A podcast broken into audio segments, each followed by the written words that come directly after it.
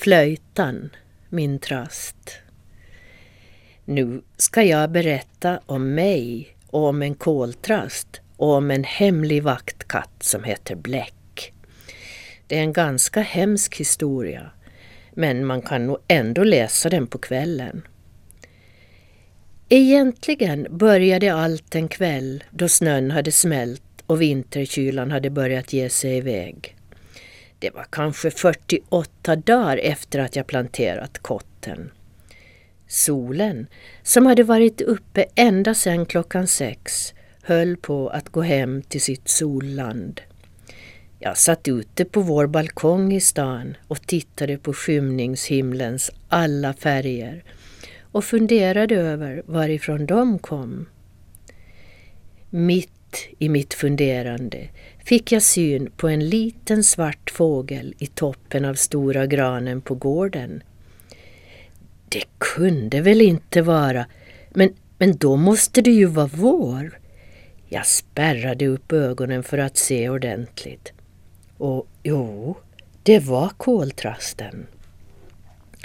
Det riktigt kvillrade till i mig av glädje för jag tycker så mycket om koltrasten. Jag känner honom ganska bra.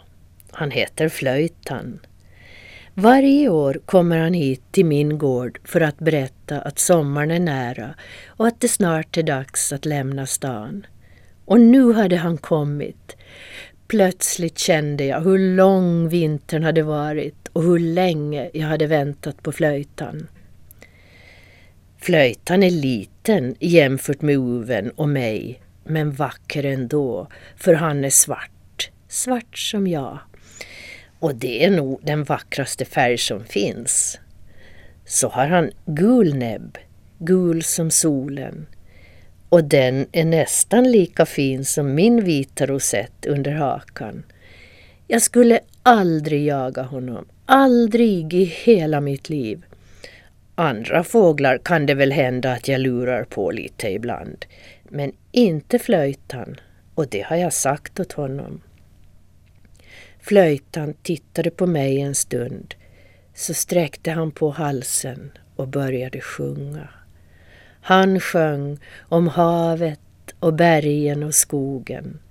Han sjöng om sommaren och om Sorkstan som den där stora grästuvan med miljoner sorkgångar heter. Den finns precis utanför vår sommartrappa. Så vackert sjöng han att det darrade till inne i mig av längtan. Hans sång är darrlang, brukar jag säga. Det ordet har jag hittat på själv. Förut fanns det inget riktigt ord för hans sång. Min längtan till sommarlandet blev så stark att det gjorde ont i hjärtat och halsen. När jag kom in från balkongen gick jag förbi min tonfiskportion och raka vägen till min blå stol. Där låg jag med hängande huvud och följde Matte och husse med stora sorgsna ögon. De försökte leka med mig men jag låg alldeles stilla. Jag fick en skinkbit, men inte ens den ville jag ha. Och ändå älskar jag skinka. På det sättet låg jag några dagar och sörjde och längtade. Men så en kväll kom husse in med min bärstol, den som jag brukar vara i när vi reser. Åh, vad glad jag blev! Husse och Matte hade tyckt så synd om mig att vi skulle fara till sommarvärlden. Eller kanske flöjtan sjungit för dem också, så det börjat darra inne i dem. Jag visste inte, men så lycklig var jag att jag inte kunde ligga i min stol längre utan rusade omkring i vårt vinterhem så dammet yrde och mattorna flög omkring. Matte skrattade sitt sommarskratt och lyfte upp mig och dansade med mig så jag blev riktigt yr. Sen åt jag och för säkerhets skull gick jag och la mig i min bärstol.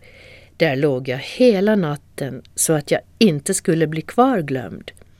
Det kan man lätt bli, för det är en sån faslig villervalla när vi ska resa någonstans. Och nu är vi här, Fia och jag. För Fia har kommit tillbaka och ska stanna hela sommaren. Och flöjtan, han är också här. Han bor alltid här på somrarna. Ja, och så matte och husse förstås, de är också med. Men de räknas inte riktigt när det är sommar. För då är jag bara ute, ute, ute. Det är så härligt. För i sommarlandet finns det inga gränser. Inga balkongräck. Inga höga hus som gör att himlen ser ut som en platt liten fyrkant. Inga bilar. Bara en jättehimmel med måne och stjärnor och så hav och klätterträd och sorkar. Det första jag gjorde här i sommarlandet var att jag sprang till Stora Ljungtuvan och såg efter om det kommit upp något litet granskott från min kotte. Men det hade det inte. Jag slätade försiktigt till stället jag planterat kotten på och tänkte att den inte hade sovit färdigt ännu. Det finns massor med sork i år. Det bara rasslar i Sorkstan och i Rosenlandet. Så jag behöver inte ha bekymmer med maten. Fia älskar att jaga och ibland fångar hon en sork åt mig. Det är skönt, för då får jag mera tid att fundera och tänka över varför saker är som de är och varför ekorrar och uvar finns och jag behöver få vara lite i lugn och ro efter min och Panters julstjärneräd. Det riktigt ryser i mig nu när jag tänker på den. Det var ju så hårresande nära att Karampiska fått tag på oss och låtit oss försmäkta i sitt fasliga fängelse. Då hade nog ingen någonsin hittat oss. Jag undrade vad Cherie i så fall skulle ha gjort med min papiljott och vem som skulle ha hållit efter sorkarna. Fia skulle aldrig klara det ensam. Hela grönsakslandet skulle falla i deras glupska klor. Och det skulle bergsäkert gnaga sig in i sommarhuset. Till slut skulle de bli så många att Matte och husse inte skulle kunna bo kvar i sommarlandet. Och ja, jag skulle tyna bort i Karampiskas fängelse. Hu så hemskt. Men nu är både Hunkle Dunkle och Karampiska långt borta och solen lyser och värmer. Ofta ligger jag på trappan och slickar min päls och rör lite på min plymsvans. Den glänser och skimrar så vackert i solskenet. Synd att det inte blev någon tävling i julstjärnelandet. Kanske det blir nästa år. En kväll, just då solen höll på att gå hem till sitt solland och himlen var blå och röd och guldfärgad och lite svart och långt, långt borta låg jag på trappan och vilade mig. Jag sov inte, utan jag funderade över varifrån sollandets färger kom, precis som jag gjorde den där kvällen på balkongen i stan och medan jag funderade lyssnade jag på flöjtan. Det darrade till i mig och jag började längta efter att träffa Panter igen. Hemskt mycket. Det var så länge sedan senast. Vi kanske kunde fara och ta reda på vem som målar himlen på kvällarna. Vad vackert det skulle vara att flyga där bland alla färger. Jag kunde kanske skriva en dikt om det. En dikt som skulle vara lika darrlang som flöjtans toner och lika luftig som bananpuffar. Plötsligt, mitt i mina drömmar, dök ett litet bläcksvart moln upp vid horisonten. Sönderrivet såg det ut och hotfullt som det bottenlösa kärret djupt inne på Gloskär, där Uven bor ända sedan de stora träden i mitt sommarland höggs ner. Molntrösan stannade mitt framför solen och skickade ner en kall och mörk vindpust som fick mig att rysa till. Vaksamt reste jag mig och spanade ut ut över skogen. Och där, en bit bortom potatislandet, fick jag syn på en stor, främmande gulaktig katt med smutsbruna ränder och ormsmal svans. Han kom smygande genom gräset. Han hade ljusgröna, utåtstående ögon med lömska gula strimmor i och hans tänder var grågula och syntes för han flinade ondskefullt hela tiden. Hans öron stod rätt upp och hans dyfärgade trubbnos vädrade grymt och otåligt. Han var på jakt efter ett byte. Jag sköt rygg och hoppades att han skulle tro att jag var en mörk enrisbuske, för jag var lite rädd. Men raka spåret till mig gled han och väste fram mellan sina vassa piggar till tänder att han hette Bläck och var hemlig agent med rätt att döda. Så sa han att han hörde till hemliga kattpolisen på Hunkle Dunkle och att han var utsänd av Karampiska och att Karampiska hatade allt vackert. Därför hade han gett order om att det skulle förgöras. Instinktivt försökte jag gömma min svans men han märkte det och hånskrattade och sa att han aldrig i hela sitt liv sett ett sånt missfoster till svans förut. Jag blev het av ilska, men fast jag ville vågade jag inte säga att om jag hade en så pjuttig lussvans som han så skulle jag hugga bort den. Hade bara Panter varit här, tänkte jag, då hade han nog sagt det. Eller jag. Men sången som den där skitfågeln där uppe i trädet sjunger, den är vacker, väste Bläck och glodde på flöjtan med ögon som glimmade av ondska. Den spränger sönder mina öron och ända in i Hunkle-Dunkles djupaste fängelsehålor tränger den. När fångarna hör den minns de friheten och börjar sjunga sånger om den. Det hat hatar Karampiska, för då blir han rädd. Rädd för att fångarna ska fly eller göra uppror. Därför ska fågeln dö. Bläck rosslade och vässade sina klor mot granen där flöjtan satt och sjöng ut mot havet utan minsta tanke på fara. Bläck stirrade glupskt på min koltrast och så spände han varenda muskel och sena i sin kropp och flög, morrande som ett krigsplan, rätt upp i trädet. Innan jag ens hann blinka slukade han flöjtan i en enda munsbit. Pälsstråna reste sig på min kropp. Tungan blev torr, torr som soltorkad sand. Allt inne i mig frös i en istapp. Och himlen tappade alla sina färger och blev precis vit och vågorna blev blygrå och började fräsa. Belåtet flinande mot mig masade sig Bläck ner från trädet och slickade sig om munnen och visade sina gula tänder. Panter, panter, var är du? Hjälp mig!